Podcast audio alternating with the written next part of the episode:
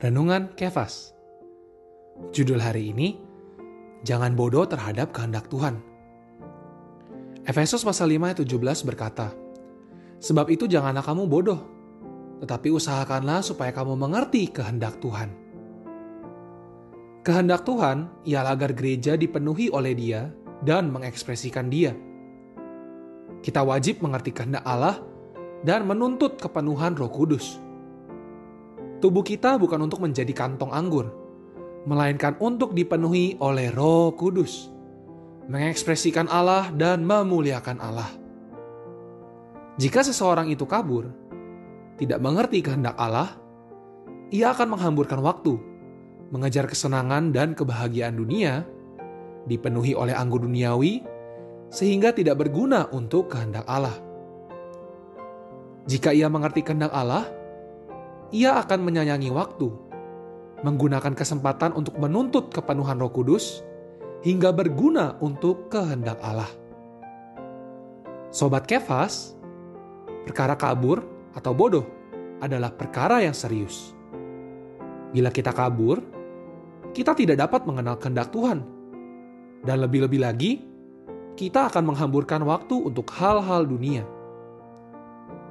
Tentu hidup seperti ini tidak akan diperkenan Tuhan. Kita tidak bisa membangun gerejanya bila kita buta. Kita perlu mencontoh Salomo yang berdoa meminta hikmat kepada Tuhan agar dapat mengerti kehendaknya.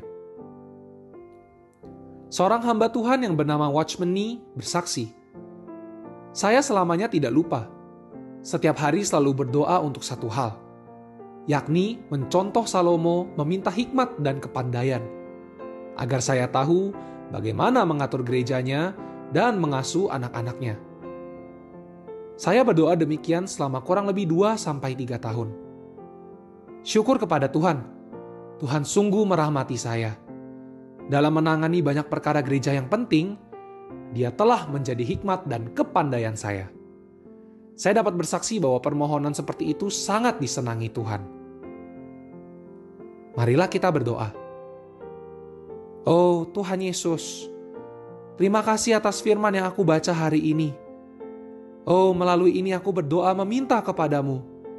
Tuhan, berikanlah aku hikmat. Oh, untuk mengerti kehendakmu. Tuhan, aku tidak mau menjadi orang yang bodoh. Oh, yang tidak berguna bagimu. Selamatkanlah pikiranku yang jatuh. Oh, Tuhan, perbaruilah pikiranku.